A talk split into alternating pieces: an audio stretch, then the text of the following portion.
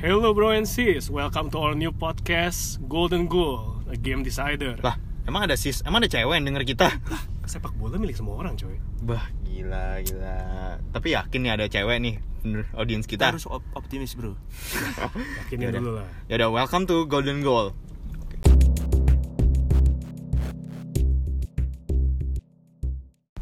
Oke, jadi Golden Goal ini bisa terbentuk karena apa sih? Jadi dari kita berempat ini, kita tuh dulu sering main futsal bareng, kita sering ngobrolin bola bareng, terus ya ya udah kenapa kita nggak mencoba untuk menyalurkan ini ke media sosial yang lainnya yaitu podcast.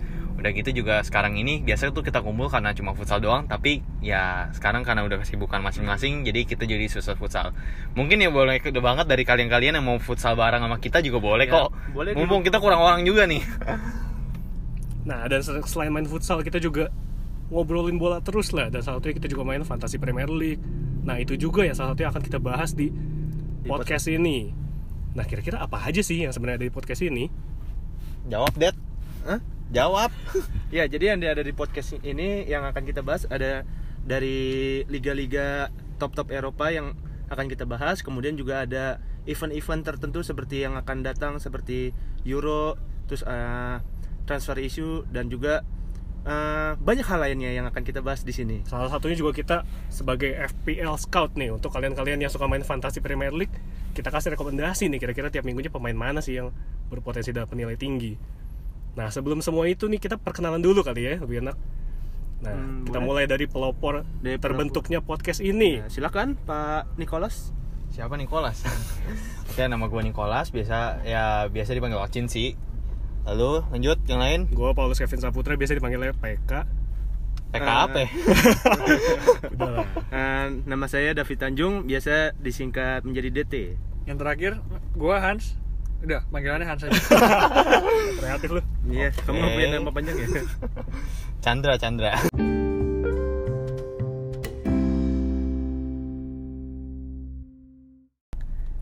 Oke, jadi eh, untuk awal mulai kita bakal bahas liga liga-liga top di dunia ya. Dimulai dari liga terbesar saat ini apalagi kalau bukan liga Inggris. Kita mulai bahas dari enaknya dari pemuncaknya dulu aja kali ya, pemuncak klasemennya Ya, yaitu itu Liverpool. Manchester United. Eh, Oh bukan, Bukan Bukan. Liverpool. Derets, Liverpool. Derets. Liverpool. itu Derets yang lain oke, sepertinya itu ya. King King MU. King King MU. MU. Kalau kata semua fansnya King MU rata-rata. Di fans di komen-komen IG orang aja gue baca King MU mana, King MU mana. Emang MU tuh peringkat berapa sih sekarang sampai? Tapi menurut gue segitu? peringkat masih bagus kok peringkat 5 Oh masih peringkat, Peringkat lima. Oh, udah lima naik ya. ya. Terakhir Lumayan. saya dengar Naik. dia udah mulai mau di zona degradasi sama. Ke mana sempat peringkat Oh, sempat 16 ya. 15. Zona degradasi. Oke, terus kita Oke. balik aja ke peringkat pertama Liga Inggris. Liverpool. Jadi Liverpool ini duduk nyaman banget ya nih di puncak klasemen ya. Ya diikutinnya juga beda 8 poin sama Leicester, Betul. lalu City dan juga Chelsea. Betul. Menurut gue Liverpool ini benar-benar tim yang cukup menarik ya. Di mana mereka juga uh, pemainnya tuh benar-benar efektif banget. Permainannya benar-benar efektif banget tahun Betul. ini. Dengan sang tangan dingin ya Jurgen Klopp. Jurgen Klopp benar-benar membuat Liverpool menjadi pasukan yang baru. Dia rubah mentalnya, dia rubah timnya, dirombak ulang lagi dari awal bekas peninggalan Brendan Rodgers dan Kenny Dalglish tahun-tahun sebelumnya. Nah jadi Liverpool ini kita bahas dari pemain-pemain aja kali. Kira-kira kenapa sih mereka bisa membuat Liverpool ini duduk nyaman nih di puncak klasemen? Dan kira-kira siapa sih yang jadi juru kunci pemain utama yang di Liverpool Juru ini? kunci nih? peringkat bawah tuh. Oh, juru Kunci Pemain- permainan. Kunci permainan, bukan juru kunci dong. Juru kunci. Oke kita mulai dari Juru depannya dulu aja kali ya. Lord Lovren. Ya. depannya depannya penyerangnya sudah pasti Firmansyah. trio Fir- Firmansyah. Firmansyah. Firmino, Firmino, salah. Salah. Tapi menurut gue tahun ini tahunnya enggak sih. Sebenarnya dari tahun lalu pun menurut gue tahun Mane. Iya. Sadio Mane itu sama dua tahun terakhir ini jauh lebih dominan dibanding Muhammad Salah. Komplit ya Sa- Sane. Eh Mane ini udah larinya cepat, dia bisa membaca permainan juga. Bahkan headingnya pun bagus untuk Betul. Headingnya, shootingnya, badannya padahal segitu aja ya tingginya ya. eh, sama Lalu- Fi- Firmino. Kalau Firmino, Firmino, Firmino tuh ini sebenarnya dia sebenarnya kayak striker dia utama. underrated banget sih. Iya. Dia jarang banget kayak terlihat dibanding Firmino, Salah Mane itu Firmino tuh paling sedikit kalau nggak salah dalam kontribusi golnya. Tapi nggak ada Firmino juga permainan Liverpool menurut gue kurang begitu jalan. Sebenarnya Firmino itu jadi seperti pelengkapnya mereka bertiga ya. Mereka dia juga sering membuka ruang buat mereka, men- Betul. menarik pem- back-back lawan juga. Firmino dan menjadi- menjadi assist juga ya. false false nomor 9 ya bisa dibilang ya. Betul, Nomor 9 tapi bukan nomor Bukan 9. target man. Bukan target man betul. Kan kalau kita dia lihat dia- kebanyakan membuka Iya. ruang untuk teman-temannya menyerang dari sayap ya. Betul. Asisnya aja dia boleh dibilang lebih banyak dibanding Salah dan Mane ya. Iya. Firmino Dengan berapa asis? 7 7 asis ya sampai Iya. sekarang Firmino ya. Oke. Sama tim Liverpool ini yang unik dia mempunyai playmaker tapi, dari playmakernya itu fullback. betul. Alexander Arnold dan juga Robertson. Andy Robertson. Nah kira-kira maksudnya gimana sih mereka berdua ini kok bisa jadi playmaker Liverpool ya? Mereka berdua punya spesialis macam apa nih? Menurut gua crossing mereka bener-bener bagus banget sih. Crossing. Crossing mereka Oke. bener-bener bagus. Dan Juga- ternyata jumlah passing terbanyak ini bukan dari gelandang tengah tapi dari Alexander Arnold gitu ya. Karena dia mungkin sering masuk ke tengah juga dan dia memulai Karena serangan juga dari sayap. tengahnya dari Liverpool sendiri ini lebih seperti holder nggak sih? Iya Sebenarnya betul, sebagai lebih holder aja. seperti- dinamo permainan ya. Bahkan kemarin si Arnold ini di beberapa pertandingan yang lalu dia mengasis dua kali sama Van Dijk loh. Van Dijk nyetak dua gol dan dia asis dua kali. Back, dua kedua golnya dicetak oleh back dan diasis oleh back juga.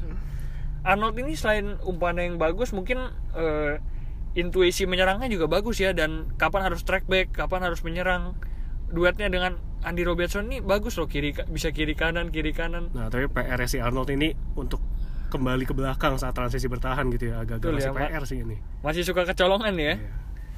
Terus kalau misalnya di lini tengah dengan kehadiran Fabinho, Oh, Fabinho tuh udah banyak banget. Kayak sebenarnya gue juga agak sedikit ngakuin dia adalah salah satu dari tiga gelandang bertahan terbaik menurut gue untuk sekarang ini. Oh, dua lagi emang siapa Bung Ojin?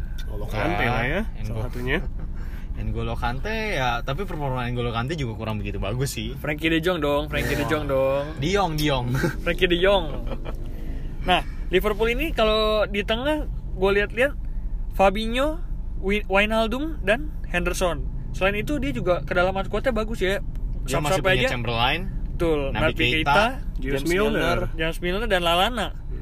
Substitution aja fancy gini. Jadi si Klopp ini kalau mau bongkar pasang seenaknya ini enak banget ya. Iya. Bahkan kemarin lawan Everton yang menang 5-2 itu dengan bongkar pasang pemain masih bisa Wah itu udah sampai nyaman ya. cuma Mane doang lah yang main kayaknya. Iya, ya model-model seperti Nabi Keita dimainkan yang jangan dimainkan Lalana seperti itu Lovren, Lord Lovren. Jadi menurut gue dia, dia cukup fully deserve sih untuk memuncaki klasemen sementara Sangat sih. Liverpool Ditambah lagi yang- sebenarnya performa tim-tim bawah lainnya mungkin cuma Leicester yang menurut gue performanya bagus. Ya. City kurang, Chelsea lagi membangun, King MU seperti King MU seperti biasanya, gitu. dan Arsenal lebih parah lagi. juga Spurs juga kelihatannya lagi menurun juga ya Spurs ya. Eh, sebenarnya semenjak dipegang lalu. Jose Mourinho itu sekarang ini kan dia baru datengin Jose eh, Iya. wah, ini kan Jose Mourinho. Sebenarnya semenjak dipegang sama Jose Mourinho permainan mereka cukup lebih baik sebenarnya. Walaupun sebenarnya Mauricio Pochettino juga sebenarnya nggak deserve untuk dipecat secepat Betul. itu juga. Betul, Tapi dia udah yang perlu disorotin ya. adalah sebenarnya pertahanannya sih. Kenapa selalu kejebolan dua satu dua satu dua kemarin kalah juga 3-1 sama Bayern. Iya, pertahanan ini digolong sama back-back tua ya di galangnya Iya, ya. betul. Seperti dulu Alderweireld, andalannya dua back dua duo Belgia itu ya. ya Alderweireld dan. Vertonghen ya. Ya kita lihat umurnya juga memang sudah cukup berumur ya. Alderweireld 30 dan Vertonghen 32. Apa Nah. memang faktor umur menjadi penyebab keroposnya lini belakang Sebenarnya untuk Spurs ini? faktor umur sebenarnya gue nggak bisa bilang dari kesalahannya ada di Alderweireld dan Vertonghen karena menurut gue butuh banget back tua seperti mereka bahkan 30 dan 32 itu juga belum terlalu tua mereka adalah back dua back Belgia yang cukup berpengalaman banget selalu ada di timnas juga selalu main juga di timnas Nah, tapi kalau dilihat belakangan ini justru yang sisi yang paling sering dieksploitasi itu Sergei Aurier sih. Contohnya pas lawan MU kan di sebelah kiri terus mulai serangannya. Ditembus terus ya Sergio Aurier. Karena ya? dia sering telat maju juga lagi-lagi nih orang.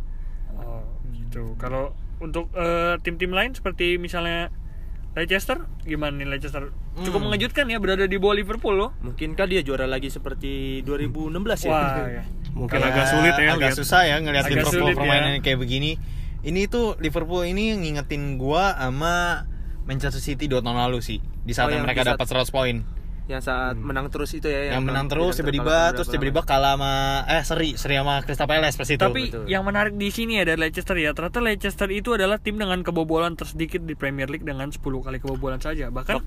Dia pemuncak klasemen aja terbanyak juga. Betul, pemuncak klasemen aja tujuh. kebobolan 14 gol.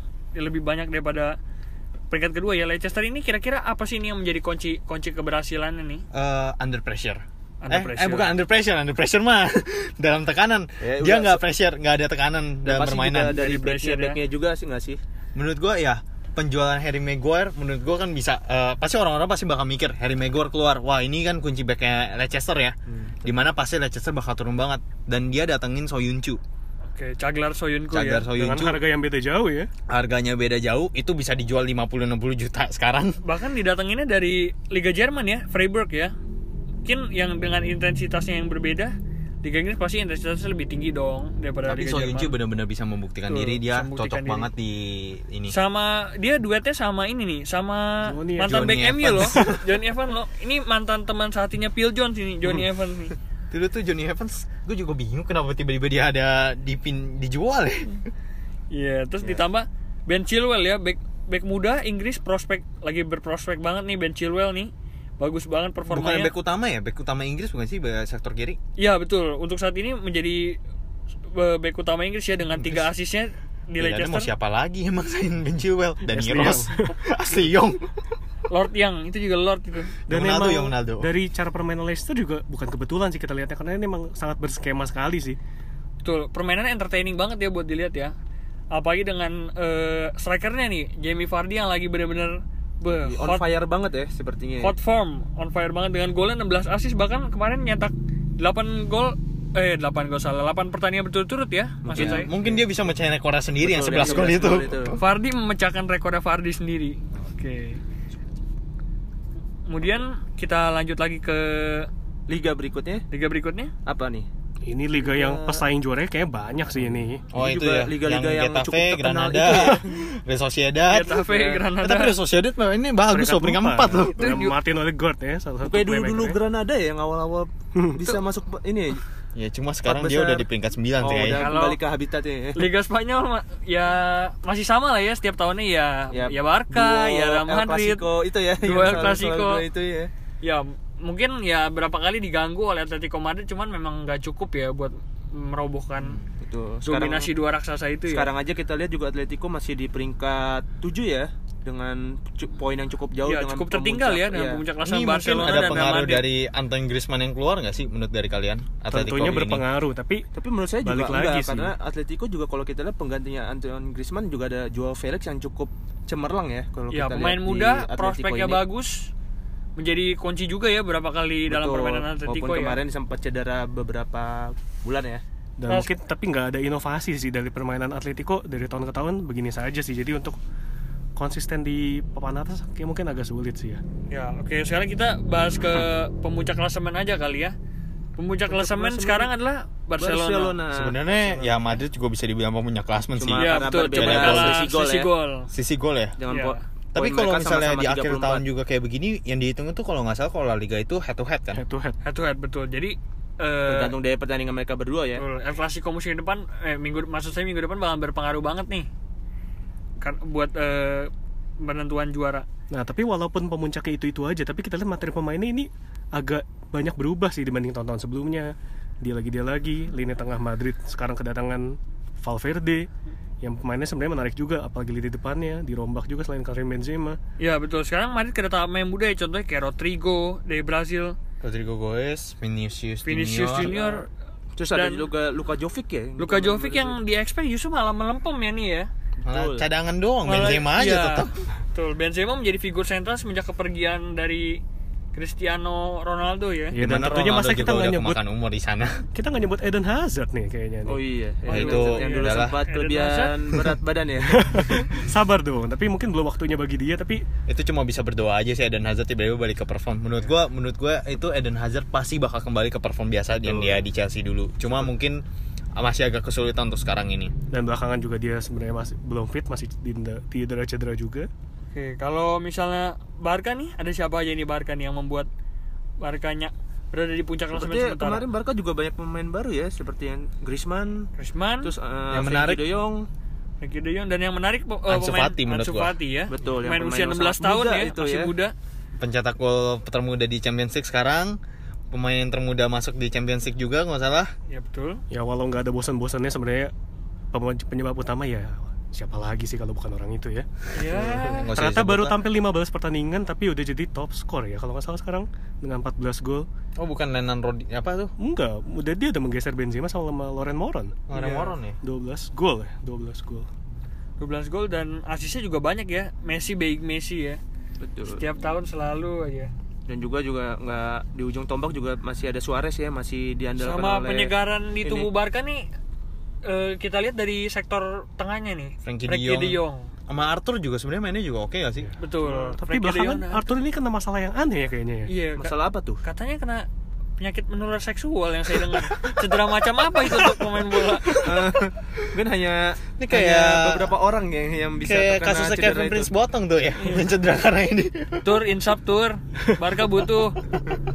Tapi emang kalau Frankie De Jong ini kita lihat ya emang cukup ini ya bagus ya karena dia juga kemarin masuk 10 besar di Ballon d'Or Ya, Kalau nggak salah tidak aneh ya, itu tidak Sangat aneh layak. dengan Betul. performanya yang membawa Ajax sampai semifinal Liga Champions Ya, musim lalu. Matis Delak juga kan Sama kapten Matis pemuda Delak sana. yang sekarang berpindah ke Serie A ya, ke Juventus. ngomong-ngomong Serie A sih gimana ya tuh Wah, kalau sekarang Inter Milan dengar- kan yang peringkat pertama Iya betul. Seperti eh, Serie A musim ini tuh cukup lebih berwarna Lebih- sepertinya iya. ya dibanding Wah musim-musim akhirnya ya lalu. Iya, setelah tujuh tahun Juve Juve Juve Eh, Juve Juve lebih dari 7 tahun deh. 2012 tuh Juventus juara. ya, sekarang ingat. 2019 Oh iya 7 tahun ya itu. saya sampai tidak berasa soalnya. Tapi lagi-lagi Kapolista sementara Inter Milan yang sebenarnya udah berkali-kali sih jadi Iya, Kapolista berkali-kali ya, musim cuma- dingin tapi ya PHP lagi PHP Semoga lagi. aja musim ini jangan PHP ya Inter nih. Inter nih sosok kebangkitannya kira-kira ada di mana nih? Kita bahas dari mulai dari tangan dingin Antonio Conte dulu kali Oh ya. iya yang baru musim Sebagai- ini baru musim ini melatih Inter, dia merombak mentalitas Inter. yang dia disebut-sebut pengkhianat Juventus ya. Betul. Udah jadi pengkhianat Juventus, membawa timnya sekarang di puncak klasemen di atas Juventus lagi. Betul. Sakit hati kali tuh. Mungkin penyegaran skuadnya sebenarnya mantap sih, terutama dari lini depan Lautaro duo Martinez Lautaro dan, dan Lukaku, Lukaku. ini. Lautaro bahkan sekarang golnya sudah 13 dan Lukaku golnya sudah 12 ya. Iya, Tidak Lukaku- berbeda jauh ya. Menjadi Lukaku tandem menjadi- tandem Lukaku- yang bagus ya. Nyetel sekali dua ini sih. Jadi makanya agak-agak riskan kalau misalnya salah satu cedera, dia nggak punya pelapis yang sepadan. Cuma Kalau- mau Esposito, eh, Sebastian Esposito dan dan juga Matteo Politano. Kalau dari lini tengahnya gimana di lini tengahnya?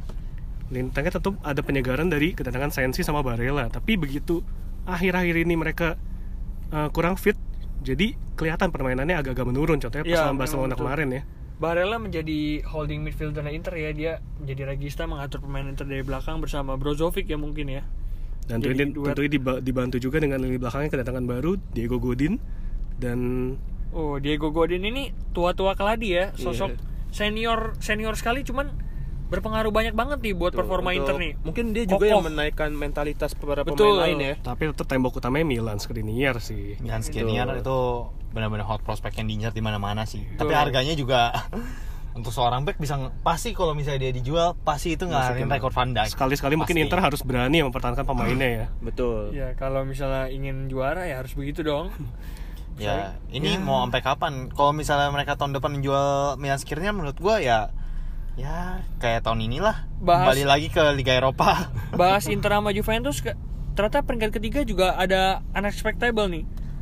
Lazio. Lazio ya. dengan Ciro Immobile dengan top skornya itu. Ya, Ciro Immobile lagi on fire banget nih dengan 17 gol menjadi Capocannonier sementara ya dari Serie A ya. Beda 10 gol dengan Cristiano Ronaldo. yang hanya Sang pencari gol. sang pencari tantangan itu. Tapi sebenarnya bukan nama baru sih Ciro Immobile ini dari tahun ke tahun Iya. dia sudah banyak mencetak gol dan permainan Ya, Lazio dia juga. benar-benar konsisten sih cara permainan. Iya, Lazio kan banyak mencetak gol banyak bobolan juga sih. Betul, apalagi dengan eh, bantuan-bantuan pemain-pemain seperti Milinkovic Savic yang kemarin menjadi aktor kunci kemenangan melawan Juventus ya, terus ada Luis Alberto 12 Luis assist. Alberto sebagai mantan pemain Liverpool dengan 12 asisnya. Itu bukan flop ya dulu di Liverpool. Iya, dia seperti menemukan jati dirinya kembali ya di Italia ya. Asisnya sangat sangat sangat membantu Lazio dalam dalam mengembangkan permainannya ya. Walaupun sebenarnya Serie A agak susah jadi benchmark sih kalau dibandingin sama liga-liga yang lebih top kayak Betul. Tapi menurut gue untuk Luis Al- Alberto bisa mencetak asis banyak itu di Serie A juga cukup mengagumkan sih, cukup hebat. Mereka eh, menurut gue dia udah bisa membuktikan dirinya. Dan yang terpenting adalah ya semoga AC Milan bisa mengikuti jejak saudaranya lah. Amin. masih Semoga- agak jauh ya. Semoga AC Milan mendapat hidayah ya. Betul. Sekarang masih di peringkat 10. Halo Milan. Apa kabar? Ya, kita mau berharap Milan Milan juga seperti waktu dulu ya 2000 era-era tahun 2000-an ya. ya di mana dulu ada Shevchenko, ada Filippo Filippo- Inzaghi. Filippo Ya, Inzaghi. sekarang Piatek. Piatek Sekarang- kayaknya sekarang juga sudah Ya. mulai menurun ya dibandingkan Golnya 4 kalau nggak salah penalti semua mungkin ya.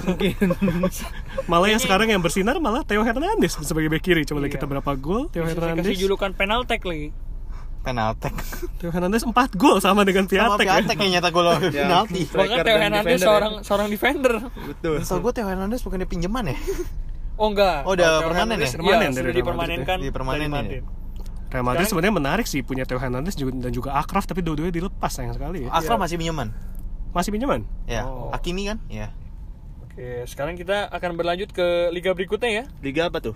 Wah ini Liga- menarik sekali. Liga ini cukup menarik sepertinya Bayern karena Liga? Dia mirip Liga Oh, Bayern yang udah bukan Bayern Oh, iya. lagi. Liga Bayern yang udah bukan Bayern Liga. Serie A Kita ya, lihat yang sekarang- dominasi bukan tim-tim itu lagi ya. Beda, tapi kalau Serie A Juventus masih bisa bersaing banget. Oh, ini betul. Bayern Munchen agak cukup drop ya. Oh, Mungkin emang peringkat berapa sih? peringkat 7 Mungkin- dia. Oh, peringkat 7. Peringkat 7 bahkan masih harus melewati Leverkusen, Freiburg Freiburg, Schalke, Dortmund, Dortmund, Leipzig, dan puncak klasmennya Mönchengladbach. Mönchengladbach.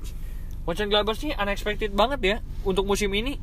Sem- eh, soalnya musim lalu nih nggak nggak begitu menonjol Mönchengladbach. Paling peringkat maksimal peringkat 4 besar. Masih Cuman untuk jadi pemuncak klasemen ini ja- cukup jarang ya. Cukup mengejutkan ya. Sa- eh, sosok sentral yang buat Mönchengladbach ada di puncak klasemen ini kira-kira siapa nih? Coba Ini kita lihat. Sepertinya namanya saya pernah sering dengar nih dulu dulu Marco di era 90 nih. Oh, Dia anaknya Lilian Thuram. Thuram.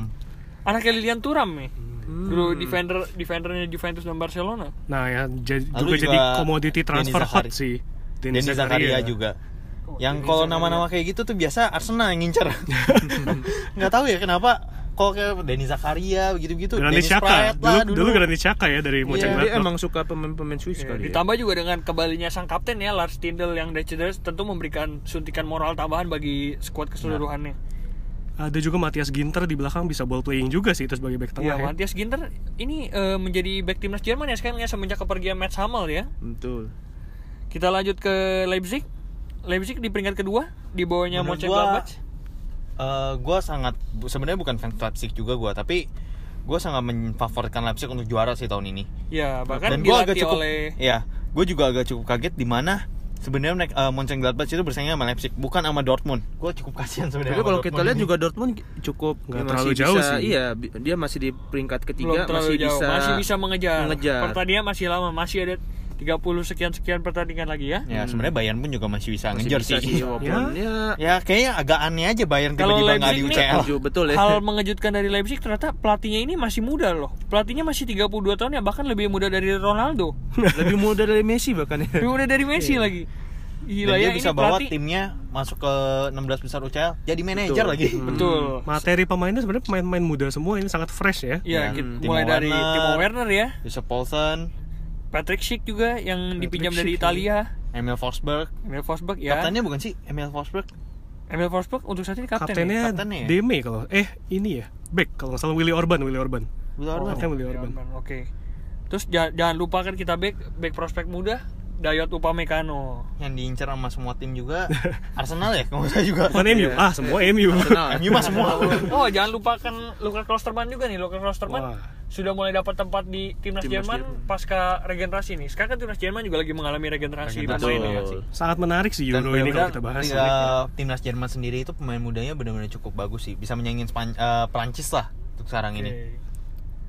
Kemudian kita lanjut lagi. Liga apa? Tapi menurut saya kalau di sini Mönchengladbach punya kelebihan sih dibanding Leipzig, Dortmund dan juga Bayern Munchen karena Apa dia Apa tuh? nggak bertanding di Eropa, dia nggak lolos coy. Oh, iya. Eh, di penyisian grup Europa League, sedangkan yang lain mereka masuk Liga Champion. Iya, jadi, Jadi, mungkin kebugarannya berfokus lebih ya. bagus ya. Kalau misalnya Bundesliga top skor saat ini Ya, Lewandowski ya. one and only. selalu iya ya one man. Udah nggak usah ditanya lah ya. Betul walaupun Bayern Munchennya sendiri masih di peringkat 7 tapi tetap top skornya pemain Munchen ya. Tapi Iya, ini ya. sebenarnya Bayern Munchen agak riskan loh. Kenapa? Kalau Lewandowski nggak ada, striker siapa? Ah, Nah, iya, mungkin itu menjadi masalah buat Oleh- iya, Munchen sendiri betul. ya. Oleh sebab itu menjadi PR sendiri. Formnya Lewandowski itu jadi berpengaruh banget nih ke performa Munchen nih. Kalau Lewandowski-nya ngedrop, maka Munchennya juga ikutan ngedrop. Cadangannya striker tengah cuma Muller sama Jan Vite Arp ya. Dan Vita Alp aja belum terbukti banget. Dia masih Iya, muda. sama Bahkan belum. masalah Bayern Munchen main. saat ini yang paling utama adalah badai cedera yang sedang menerpa seperti Niklas Sule, Niklas Suele, terus Kingsley Coman yang baru Coman. banget ini cedera. Ya. Terutama yang terjadi lumayan lama itu di lini belakang sih sangat vital ya. Iya. Dia kehilangan banyak pemain. Gue inget banget dulu tuh, Bud Stuber. Eh, Bud Stuber bukan sih? Betul, Boateng. Boateng Boateng ya? kartu merah ya. Waktu itu. Oh, bahkan Absen lama. eh, pemain barunya yang dibeli mahal itu Lucas Hernandez juga mengalami cedera. Hmm. Lagi. Wah. Jadi back kiri sekarang Alfonso Davies ya. Alfonso Davies yang Ya, bahkan pemain mungkin muda. penyerang dia itu. Lucu, Alfonso Davies ini didatangkan dari Kanada loh. Dari MLS ya, seingat saya ya. Dan kira-kira Coutinho ini dia ada opsi permanen akan dimanfaatkan nggak ya oleh Bayern? Sebenarnya kalau eh, menurut kebutuhan tim ya, menurut gua Coutinho tuh cukup dibutuhkan untuk dipermanenin. Tapi kembali lagi kayak tren Bayern kemarin-kemarin aja James Rodriguez mainnya juga cukup bagus. Tapi Iya. kenapa nggak dipermanenin juga? betul mungkin yang ganjalan Faktor. terbesar Bayern saat ini buat permain Coutinho ya masalah harga ya Seperti saya dia mau beli Leroy Sané dan juga juga dia dia mau Leroy ya. Sané yang pasti dia Betul. baru bisa dapat 100 juta juga. dan, mu- dan mungkin kayak sepertinya Bayern harus milih salah satu mungkin ya kalau ingin nggak mungkin dulu ya Sané sama Coutinho pokoknya Bayern masih banyak PR nih ya masih harus berbenah lagi pelatih tadinya Hansi Flick ya Dan lagi-lagi kalau Coutinho dipaksakan di sebelah kiri mungkin bukan posisi pa- posisi favorit dia gitu ya. betul Oh. Di kiri. Oke, kita ke Liga 1 lagi nggak perlu dibahas kan yang Liga 1 Liga lagi? satu lagi tuh Liga ini 1 lagi tuh harus apa tuh karena kalau ini Bayern Liga yang itu PS Liga PSG Liga PSG PSG lah ya, itu udah emang ya Itu udah, untuk ya. sementara ya masih PSG masih tetap di Ya, posisi udah amannya ya masih ya. seperti Iya, biasa Beda berapa PSG poin sama Marcelo? paling berbedanya Neymarnya ya udah kembali lagi ya dari ini Akhirnya di- udah nggak cedera lagi. betul ya Dan tentunya Sa- makin akan makin jauh dengan dia cedera pun dia masih sama yang menarik ini. PSG ini punya juru gedor yang baru ya Oh, iya, Cavani betul. digantikan Menjadi oleh Icardi. Mauro Icardi dari Liga Italia dari yang Inter diusir dari Inter tadi tuh ya, kalau kita lihat emang Cavani emang sudah ya cukup tua ya, ya, mungkin intinya ya kalau. PSG nggak juara satu nantinya nantinya di akhir musim ya ya cukup aneh lah ya. mungkin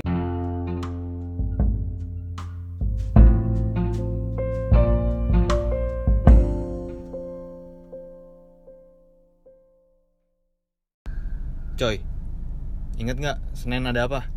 Ah, ada apa ya apa ya Senin biasanya cuma Drawing coy. Oh, iya. Drawing. Drawing. UCL kan udah kelar. Oh, champion Babak grup- babak grup babak grup ya? udah kelar UCL. Betul, betul. Jadi untuk berarti untuk yang 16 besar ya? Ya 16 besar masa 8. Oh iya. Kan bisa siapa tahu udah berubah ininya. udah loncat ya langsung ke delapan besar ya Jadi pemuncak grupnya aja ada siapa aja? Pemuncak grup. ada 8 ya, kayak dari PSG, Munchen, ada City, ada Juventus, Liverpool, Barca, Leipzig, dan Valencia. Ya oke. Dan- Jadi kalau misalnya mau dibahas sih sebenarnya eh eh, fixture-fixture untuk ke depannya ya. Karena runner up-nya juga cukup menarik sih. Hmm, runner seperti- runner up-nya tuh Seperti ada Real Madrid, ada Spurs, ada Atalanta, Atletico, Napoli, Dortmund, Lyon, dan Chelsea. Nah, ini fakta menarik aja ya. Fakta menariknya adalah ini pertama kalinya UCL itu cuma ada cuma mewakilkan eh, di 16 besar cuma mewakilkan 5 tim top Eropa. 5 liga terbesar Eropa. Super Liga Prancis, Inggris, Prancis, Prancis, Jerman, Italia dan Spanyol ya. Ya, karena biasa ada masih ada Ajax, Ya, betul, dari Shakhtar Donetsk tiba-tiba Atau ya. dari Portugal. ya atau- Porto atau Tapi sekarang Zenit Porto ya, aja gitu-gitu ya. di Liga Eropa kan. Iya, betul. Iya.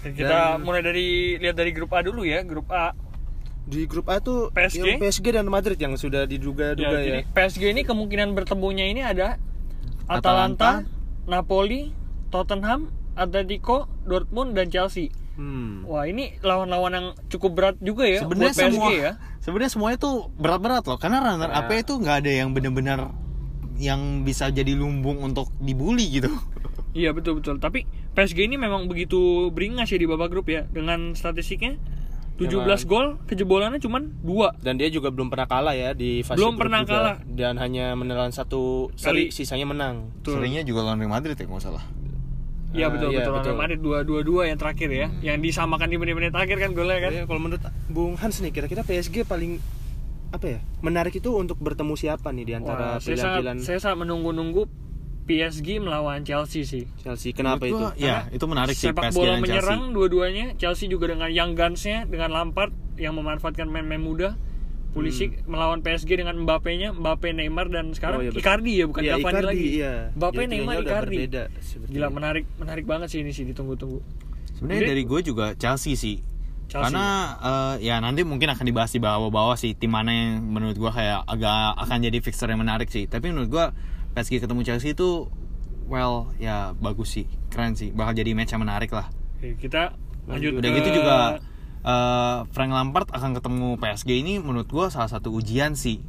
Ujian yang cukup menarik. Ngeliat- kita melihat mental pemain-pemain mudanya Frank Lampard. Apakah udah Betul, siap betul. untuk melawan gedoran PSG? bahkan Frank Lampard ini nggak dikasih transfer dia di band loh. Apalagi dia transfer Oh, mungkin Januari dia bisa transfer. Iya. Akhirnya ya Januari satu dibuka. setengah Akhirnya tahun ya. ya. Satu setengah kita tahun. bakal nunggu lagi nih di Januari gebrakan apa nih yang bakalan dilakukan oleh Frank Betul. Lampard Menurut gua timnya ya. sebenarnya juga kalau agak cukup bahaya juga ya. takutnya ini akan jadi double edged sword lah ya bisa jadi emang memang akan meningkatkan kemampuan Chelsea malah bisa jadi juga akan Oh, merusak jam harmonis muda ya? harmonisnya Chelsea sekarang permainan Chelsea akan jadi berubah pasti Betul. Kita langsung lanjut ke grup B aja ya. di grup B Juara grup B ada Bayern Bayern Munchen. Ya, kita lihat menurut gue Bayern Munchen ini Jadi Bayern Munchen ini bakalan kemungkinannya ketemu siapa? Real Real Madrid. Madrid, langsung Atalanta, Atalanta, Napoli, Napoli, Lyon. Lyon, Atletico dan Chelsea. Hmm, ini mirip-mirip PSG tadi ya, Iya. kemungkinan ketemu. sebenarnya pasti ketemu ketemunya pasti mirip-mirip semua Iya. lah tapi menurut gue Bayern Munchen ini salah satu gak tau ya menurut gue dia favorit betul. menurut gue Apalagi di musim ini dia baru memecahkan rekor ya di babak grup gak pernah kalah dan 6 kali Nah, kemenangan. dan loh. iya dengan penuh Poin full. 18. Dengan 18 poin. dengan tim ada Tottenham loh yang Iya. bisa jadi batu sandung dia tapi gagal Tapi Yang bahkan waktu itu dibully- Bayern Munchen berhasil menang besar kita di 10 tiga di kandangnya di kandangnya. menang 27 ya. 27. Dibully, dibully Betul. sekali Tottenham ini. Jadi, eh, kalau untuk Bayern Munchen ini saya sangat berharap Bayern Munchen ketemu Real Madrid?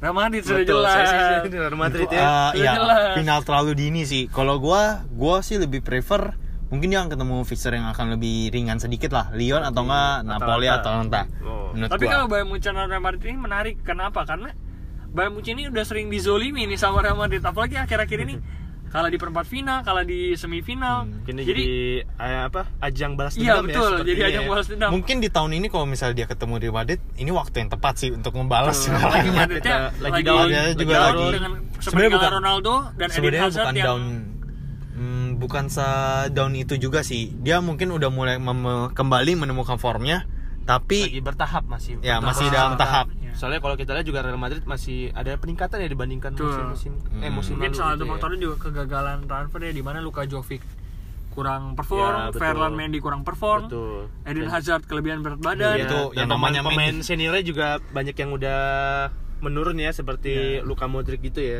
kayaknya yang namanya Mendy Mendy itu selalu kurang perform ya, Iya, aneh aja. Seperti ada kutukan dengan nama itu ya, entah di Benjamin City, Mendy, Benjamin Ah, itu Benjamin Mendy itu Iya. udah kayak dari pemain yang bagus ya jadi left back Ah. cedera-cedera mulu dan akhirnya kayak jadi pemain biasa jadi kita ini. bener-bener crossingnya tuh wah udahlah Oke, Terus jadi kita lanjut lanjut ke grup C. Grup grup C ada Manchester City.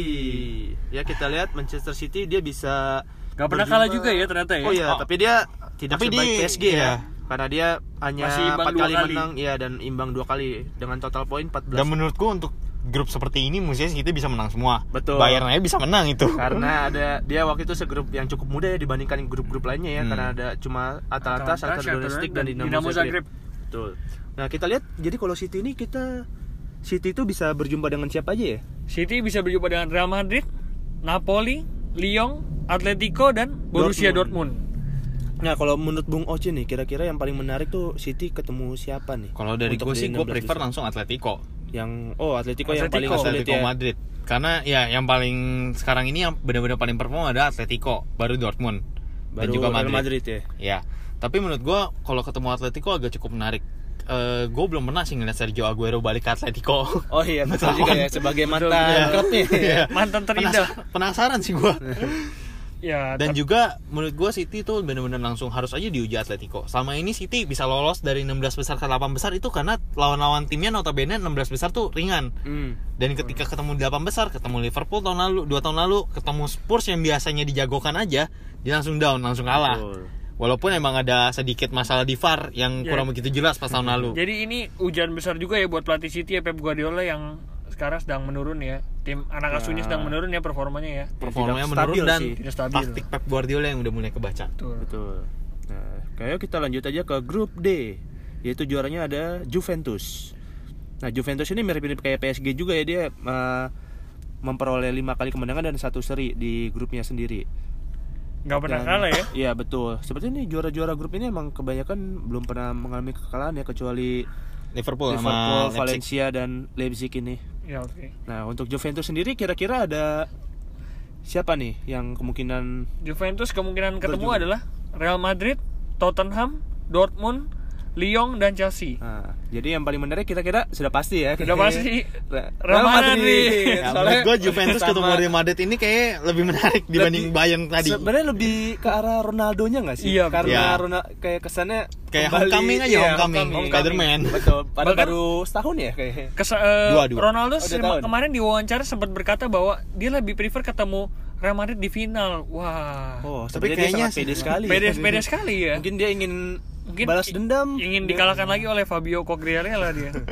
Fabio Padahal- Quagliarella nggak ada di, di Oh, Madrid. iya. Padahal waktu itu apa Ronaldo pernah membawa Madrid menang pas lawan Juventus ya di final Iya ya, waktu betul. itu ya. Sekarang di posisi terbalik. lagi. Iya. Ronaldo di Juventus, Dia lawannya adalah klub lamanya, mantan Iya. terindah Real Mungkin Madrid. biar jadi historinya makin Mantan terindah ya. mah King MU.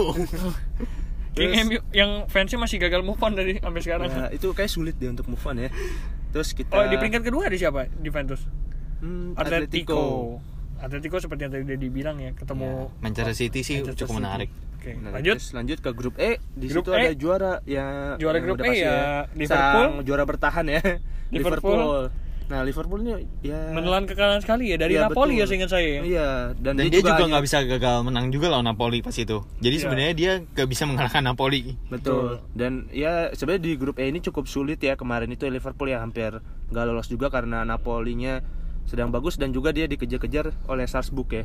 Nah, kita lihat untuk, Untuk Liverpool, sendiri calon calon lawannya adalah Real Madrid, Atalanta, Atletico, Atletico, Dortmund dan Lyon.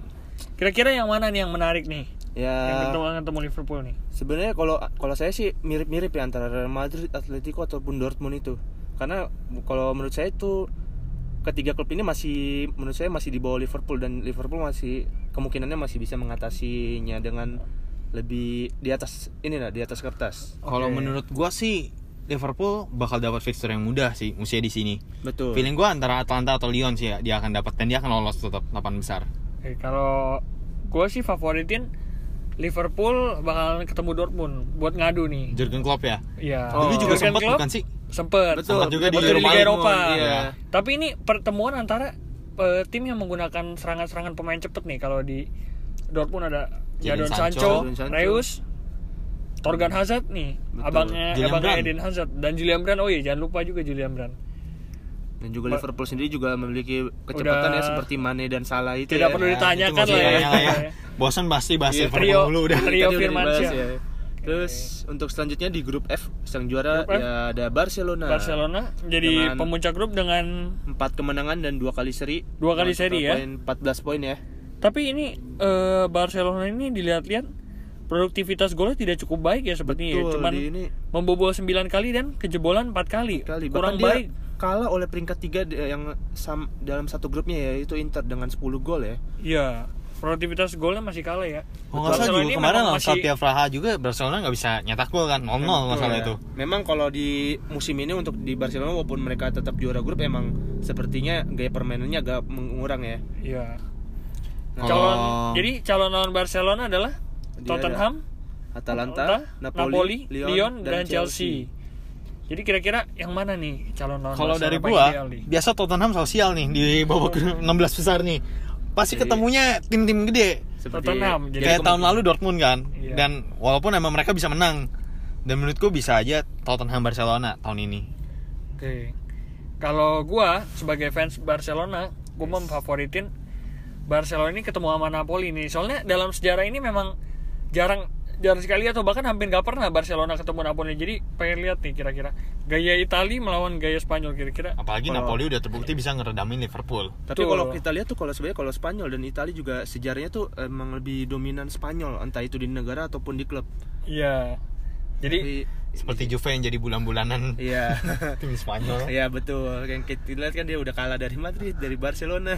Juve bahkan disindir-sindir oleh rival di Serie A sebagai badut Eropa ya. Iya. Padahal rival-rival di Serie A juga belum tentu malah nggak lolos. Iya. Malah bahkan Lucu. Juve aja yang melaju lebih jauh. Iya. Betul.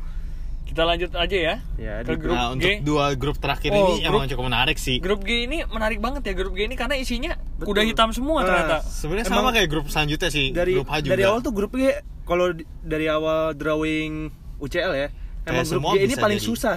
semua Sulit. bisa jadi juara. Betul, Betul. paling Semua sulit bisa jadi ditentukan. juru kunci. Nggak seperti grup A yang kayak udah ketebak Madrid dan PSG gitu kan. Kalau Jadi- di grup G ini jadi yang lolos tuh ada Leipzig dan Lyon. Eh, juara Sedangkan- grup G Leipzig ya. Iya, dan kita lihat juara 3 dan 4 ini Benfica dan Zenit yang memperoleh 7 itu hanya terpaut satu poin oleh Lyon ya. Lyon Iya, yang unggul jadi satu poin. memang grup paling sengit di antara semua grup UCL di mana tadi sudah saya bilang bahwa ini grup isinya kuda hitam semua jadi wajar-wajar aja ya kalau kekuatannya memang lumayan merata antara empat tim ini. Dan Jadi lihat calon lawan Leipzig adalah Real Madrid, Tottenham, Atalanta, Atletico, Napoli dan Chelsea. Chelsea.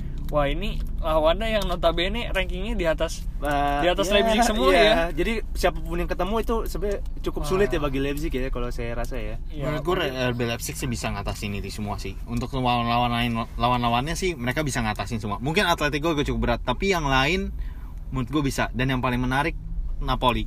Jadi menurut Anda Leipzig tuh bahkan bisa mengatasi Real Madrid nih? Menurut gue bisa. Bisa. Dengan form Leipzig yang sekarang dan form Madrid yang biasa aja, yang gue nggak bilang jelek, biasa aja. Hmm, Tapi menurut gua yang Leipzig yang Leipzig bisa. sangat Leipzig- meningkat ya. Leipzig mirip-mirip Bayern nih. Jadi dia bertumpu sama satu striker nih, striker andalannya. Kalau Bayern ada Lewandowski, kalau Leipzig ini punya Timo Werner nih, striker muda timnas Jerman ya. Iya. Dan Bakal jangan lupa masih- karena pemain Leipzig ini sebelasnya ini mereka tuh stabil sebenarnya. Kayak mereka tuh merata kekuatannya sebenarnya. Iya mulai dari BK yang tadi disebut ya Dayot. Upamecano, dan Klosterman, terus di tengahnya ada Forsberg. Forsberg. Oke. Terus kita lanjut lanjut aja ya ke- ke grup terakhir, Grup terakhir Valencia. ada Valencia. Ini juga agak sedikit kejutan sih. Iya. Gue kira semua semua orang bakal ngira Ajax pasti peringkat pertama. Chelsea, Iya. ajak Chelsea gitu kan Ajax kebanyakan Chelsea, orang gitu Ajax kan. Valencia. Saya pun juga ajak Chelsea kalau saya. Iya, kalau saya juga ajak Chelsea. Tapi bisa-bisa Valencia yang Juara grup bahkan ya. Juara grup. Valencia dan Chelsea Karena di kemarin di match terakhir babak grup ini Valencia berhasil numbangin Ajax di kandang di kandang Ajax ya di Johan Iya. Cruyff Arena ya. betul. Dengan skor tipis 0-1. Dan ini juga ya mungkin bisa menjadi mengejutkan dan tidak juga Ajax yang sebelumnya tahun lalu Semifinalis ya. semifinal tapi sekarang dia tidak lolos di fase grup mungkin emang karena faktor-faktor apa pemain-pemain kuncinya Pemain-pemain yang kuncinya keluar udah ya. pindah. Seperti Walaupun Frankie de Jong Iya. dan Matthias De Ligt yang dilepas Yang ke udah- Juventus dan betul. Barcelona. dan calon-calonnya sih Hakim Ziyech pasti akan keluar sih. Ada kemungkinan Hakim Ziyech. Tim Ziyech yang- juga menjadi incaran klub-klub klub-klub Donny besar van, ya. eh, Donny dan van Donny van de Beek. Beek. Dan itu Ziyech pun juga menjadi kunci saat ini ya di musim ini ya untuk Ajax sendiri ya. Nah, kalau terus kita lihat aja Valencia, calon non Valencia kita mulai dari Tottenham, Atalanta. Atalanta, Napoli, Dortmund dan Lyon. Jadi Ya, Valencia ini Valencia ini mirip kayak Leipzig sih. Betul, kalau menurut betul. Saya ya. tapi dia tidak bisa bertemu Real Madrid, Atletico dan Chelsea. Jadi notabene sisa-sisa lawannya ini lawan yang relatif memang seimbang kekuatannya dengan dia ya. betul. Seperti Tottenham, Atalanta. Tapi menurut gua dari tim-tim apa? Tim-tim besar lainnya sih yang di runner up mereka akan paling prefer ketemunya antara Lyon atau Valencia sih sebenarnya. Lyon atau Valencia. Iya. Gua RB Leipzig menurut gua agak cukup berat tapi kalau Lyon sama Valencia mungkin masih mereka bakal mikir masih bisa diatasi tapi ya sepak bola itu bola Valencia, tuh bundar ya Valencia Kalian dan tahu. Leipzig ini memang sama-sama kuda hitam yang cukup bisa Betul. mengejutkan ya. Contohnya Chelsea dan Ajax saja dikejutkan dengan dia non unggulan loh terhadap dibandingkan bila dibandingkan dengan Chelsea dan Ajax ya. bener kalau Lili sih emang dari Oh, awal gue udah iya. punya prediksi sama Lili nggak bisa bersaing sih Betul. karena apalagi Nicolas Pepe Ya, dia Indah. Lille baru saja kehilangan pemain-pemain topnya juga ya. Betul. Agak sulit kalau misalnya buat Lille bersaing. Oke lah, Oke. untuk ini prediksi mungkin ada prediksi juara ini juara UCL dari sekarang udah ada yang bisa Kita prediksi. Ya, pasti yang umum-umumnya Mulai dari Liverpool ya mungkin ya masih difavoritkan juara. Oke, jadi kalau saya- memfavoritkan Liverpool nih. belum tentu. Eh, enggak itu hanya prediksi. Kalau Prediksi. untuk memfavoritkan tuh hal yang berbeda cuy.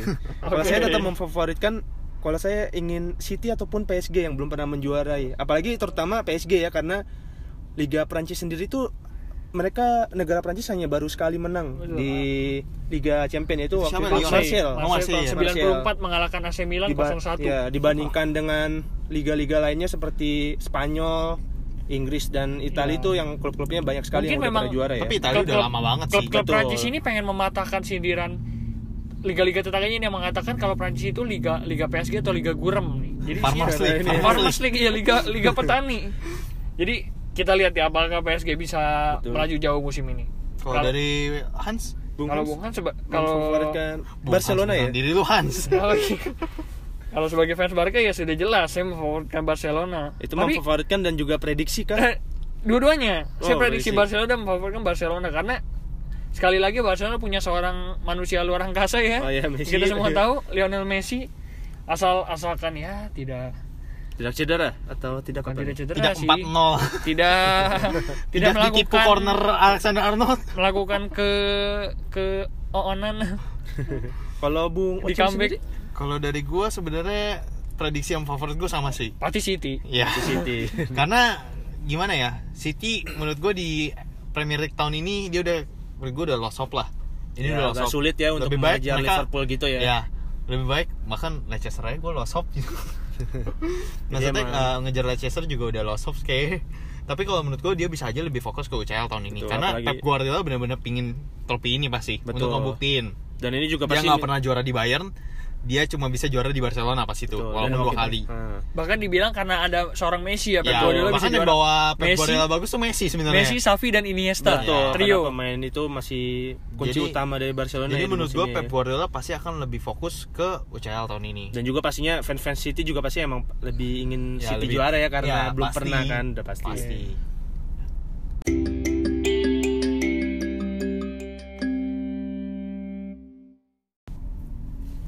Oke, nextnya kita akan bahas mungkin tentang fantasi Premier League gitu ya untuk pecinta Premier League yang juga main.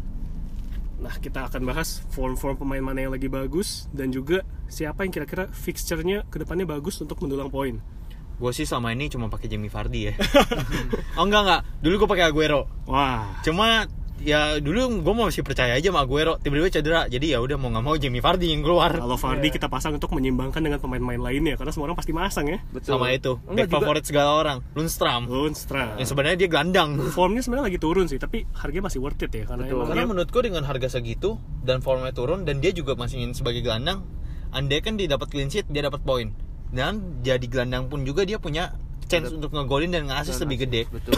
Jadi Dan menurut gua Lundstram itu paling worth it. worth it ya. Dan Baldock. Dan tentunya fixture ke depannya juga masih gampang yaitu Aston Villa, Brighton dan juga Watford.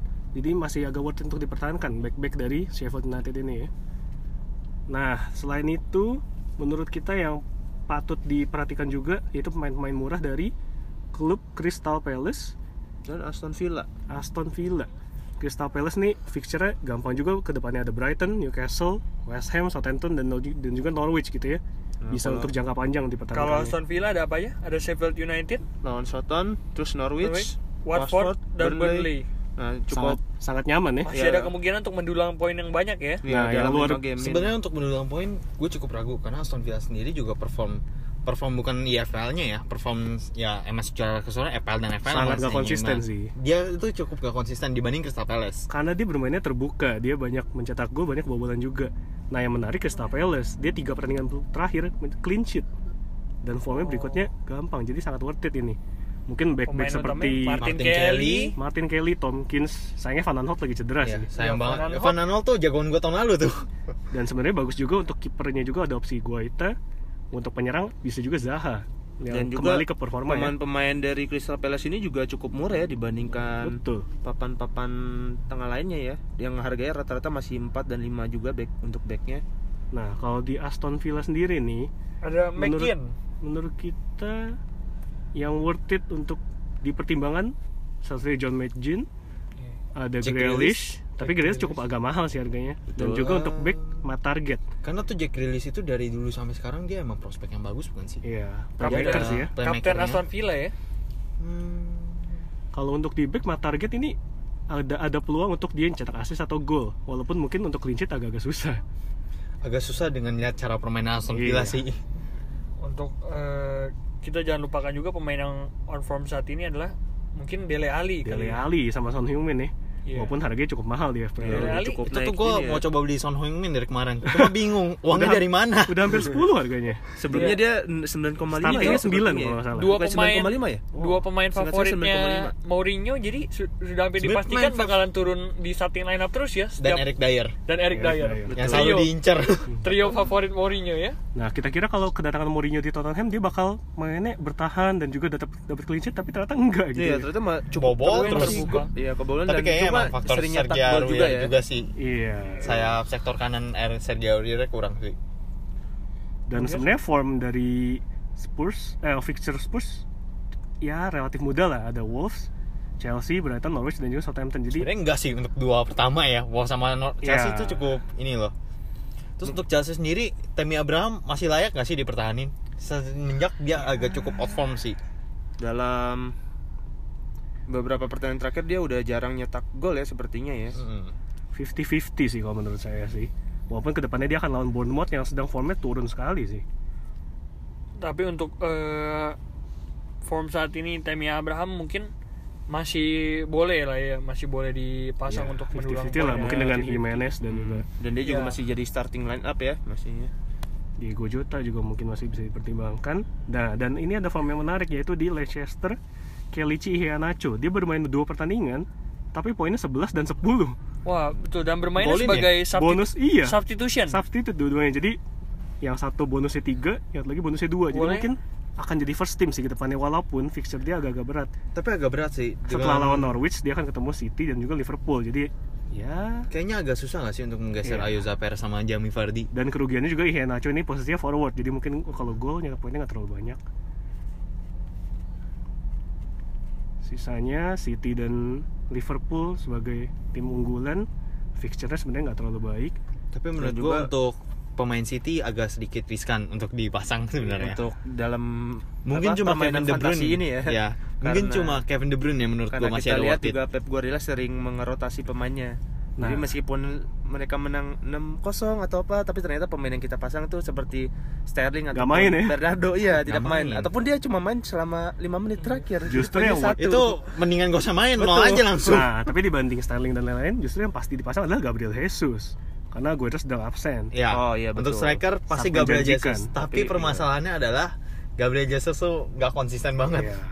Kemarin bisa hat trick, lusanya nggak bisa ngolin apa-apa. Bisa miss penalti Iya, dua kali. bisa miss penalti dua kali nggak bener.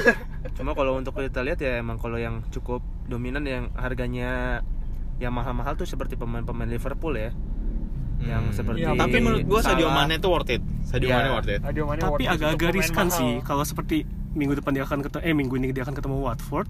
Mungkin Watford lawan yang muda jadi bisa main bisa enggak. Kalau misalnya kita jadikan kapten, jangan dia baru baru masuk menit 80 atau Eh, itu sih sakit banget ya. Iya, oh ini cuma satu bro Kayak gua triple captain Sterling. Waduh, Diungkap juga kesalahannya dia Liverpool ya. Oke, jadi dari kalian sendiri eh, rekomendasi kapten kalian tuh siapa sih untuk musim ini? Untuk Eh, next- untuk game week ini? Kalau saya sih tetap Vardy Ya, gue juga tetap masih masang Vardy karena lawannya Norwich. Vardy ya kita. kalau saya tetap Yolo saya tetap Mane Wah, oke Yolo. Kita lihat karena aja kalau hari. walaupun dia nggak main eh, saya masih memiliki beberapa pemain kan masih bisa otomatis jadi vice captain kita Vice menjadi captain lu kapten. siapa? Nah, untuk sekarang Madison ini masih yes, saya Maddison. perkirakan Ya, Madison sih menurut gue pasti main. masih main cuma Ya. eh, Madison di playmaker Leicester ya. Iya. betul dan Bagus dia juga nih buat buat narik poin yang banyak nih. cukup iya Madison sendiri tuh dengan harga murah dan posisinya Nah, tapi yang- sayangnya FPL itu ya. cuma bisa tiga pemain dari satu Iya. tim. Iya, betul. Gue udah pakai buat Leicester tuh udah pakai buat Smashel, Soyuncu Soyuncu dan juga Jamie Vardy. Oh, mau beli Madison juga bingung mau ngeluarinnya mana. Tapi Madison ini nilai plusnya dia ngambil set piece bro Dia bisa assist dari corner, gol dari free kick dan lain-lain sih betul Hmm. dan dia juga harganya cukup ter- Rata-rata murah ya sebenarnya Leicester tuh gol dari corner sering gak sih? Beberapa kali Beberapa Beberapa, kali kali, ya? James Madison lumayan banyak assist ya Asis dari bola mati ya. James Iya. Madison.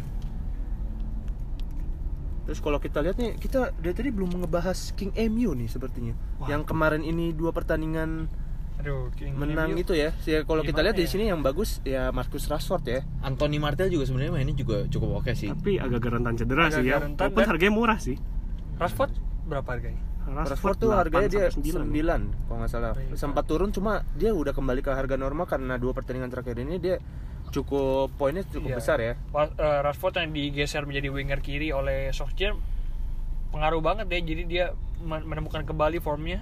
Sebenarnya MU ini fixture-nya juga cukup mudah sih relatif mudah Everton, Watford, Eh, Newcastle, Burnley hati-hati dulu. Tapi- Masalahnya MU itu selalu bagus lawan tim gede. Iya, lawan tim betul. kecil biasa ya begitu. Dia- Bukan tim iya. kecil sih, tim yang kurang diperhitungkan ya. Kebingungan ya mau mulai serangan dari mana ya Robin Hood ya mencuri dari yang kaya memberi kepada yang miskin.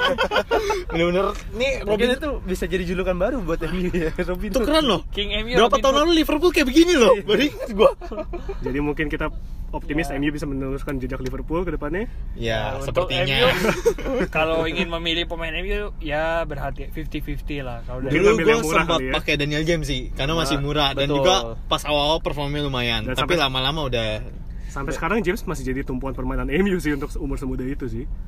Cuma untuk saya lihat ya emang untuk ukuran pemain MU eh harga pemain MU yang sekarang ini ya hitungannya cukup murah ya dibanding sebelum-sebelumnya ya. Ya, karena Kayak posisi di klasemennya kan buruk gitu ya, ya. Jadi- tapi kan untuk sekarang kita lihat dia peringkat 5 dan ada kemungkinan untuk naik lagi lagi stabil ini dengan pemain yang udah semua turun seperti akan banyak ini yang membeli pemain-pemain MU. Nah, kalau dari Tapi kita kalau dari gue sih saran gue jangan dulu. Ya, sebaiknya kalau nggak Kita lihat berapa satu aja. tiga pertandingan gitu. lihat lihat tiga pertandingan dulu lawan tim kecil. Masih Robin Hood atau enggak? Hmm. Kalau udah enggak ya oke belilah.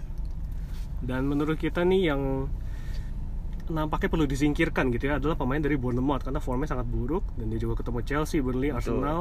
Sepertinya Jadi ya dengan harga yang malah, cukup mahal juga. Hmm. Mungkin yang worth it cuma Diego Rico sebagai mungkin back. sempat mahal Bournemouth juga karena kemarin sempat lagi bagus-bagusnya ya. Mungkin emang kalau sekarang dia sempat menurun soalnya. Kalau Wilson starting harganya 8 ya. Sangat mahal, untuk Mahal, pemain. cedera deh. Betul. Iya, Setahu sekarang gua masih cedera. diragukan Harganya langsung turun jauh. Kalau kita lihat kalau seperti kayak Everton ini gimana nih? Everton, waduh itu tim tim paling konsisten ya. Eh, Setiap trans, bursa transfer dia kayak jor-joran beli pemain. Tahun iya, dan ini juga agak cukup parah sih. Betul. Biasa masih bisa 10 besar ke atas Nah, lah ya. sekarang dia masih ini peringkat belasan ya. Masih di peringkat 14. Dan akibatnya itu pemecatan pelatihnya Marco Silva. Bahkan dulu awal musim saya menggunakan pemain Everton saya sangat penuh Richarlison, dengan. Richarlison. Iya. Karena awal musim dia udah masuk zona degradasi sampai beberapa game week itu. Jadi saya langsung jual. Saya Luka Dean, Yerimina ya itu. awal-awal. Richarlison, Sigurdsson, Siapa lagi? Ini. Luka Dean sama Yerimina sih dulu favoritnya orang-orang. Yerimina. Betul. Ah, tapi kayaknya nggak worth it sih ini untuk, Betul, di- untuk dimainkan Nah, ya. tapi kalau mau bahas ini tim terakhir lah yang kita bahas ya. Arsenal. Oh iya. Waduh. Itu sebenarnya gue cuma bisa cuma bilang satu sih. Sebenarnya iya cuma Aubameyang. Iya betul. Karena Aubameyang. pemain-pemain lainnya tuh karena timnya sendiri udah jarang menang, dia tuh sebe- kayak kalau menurut saya tuh kayak City.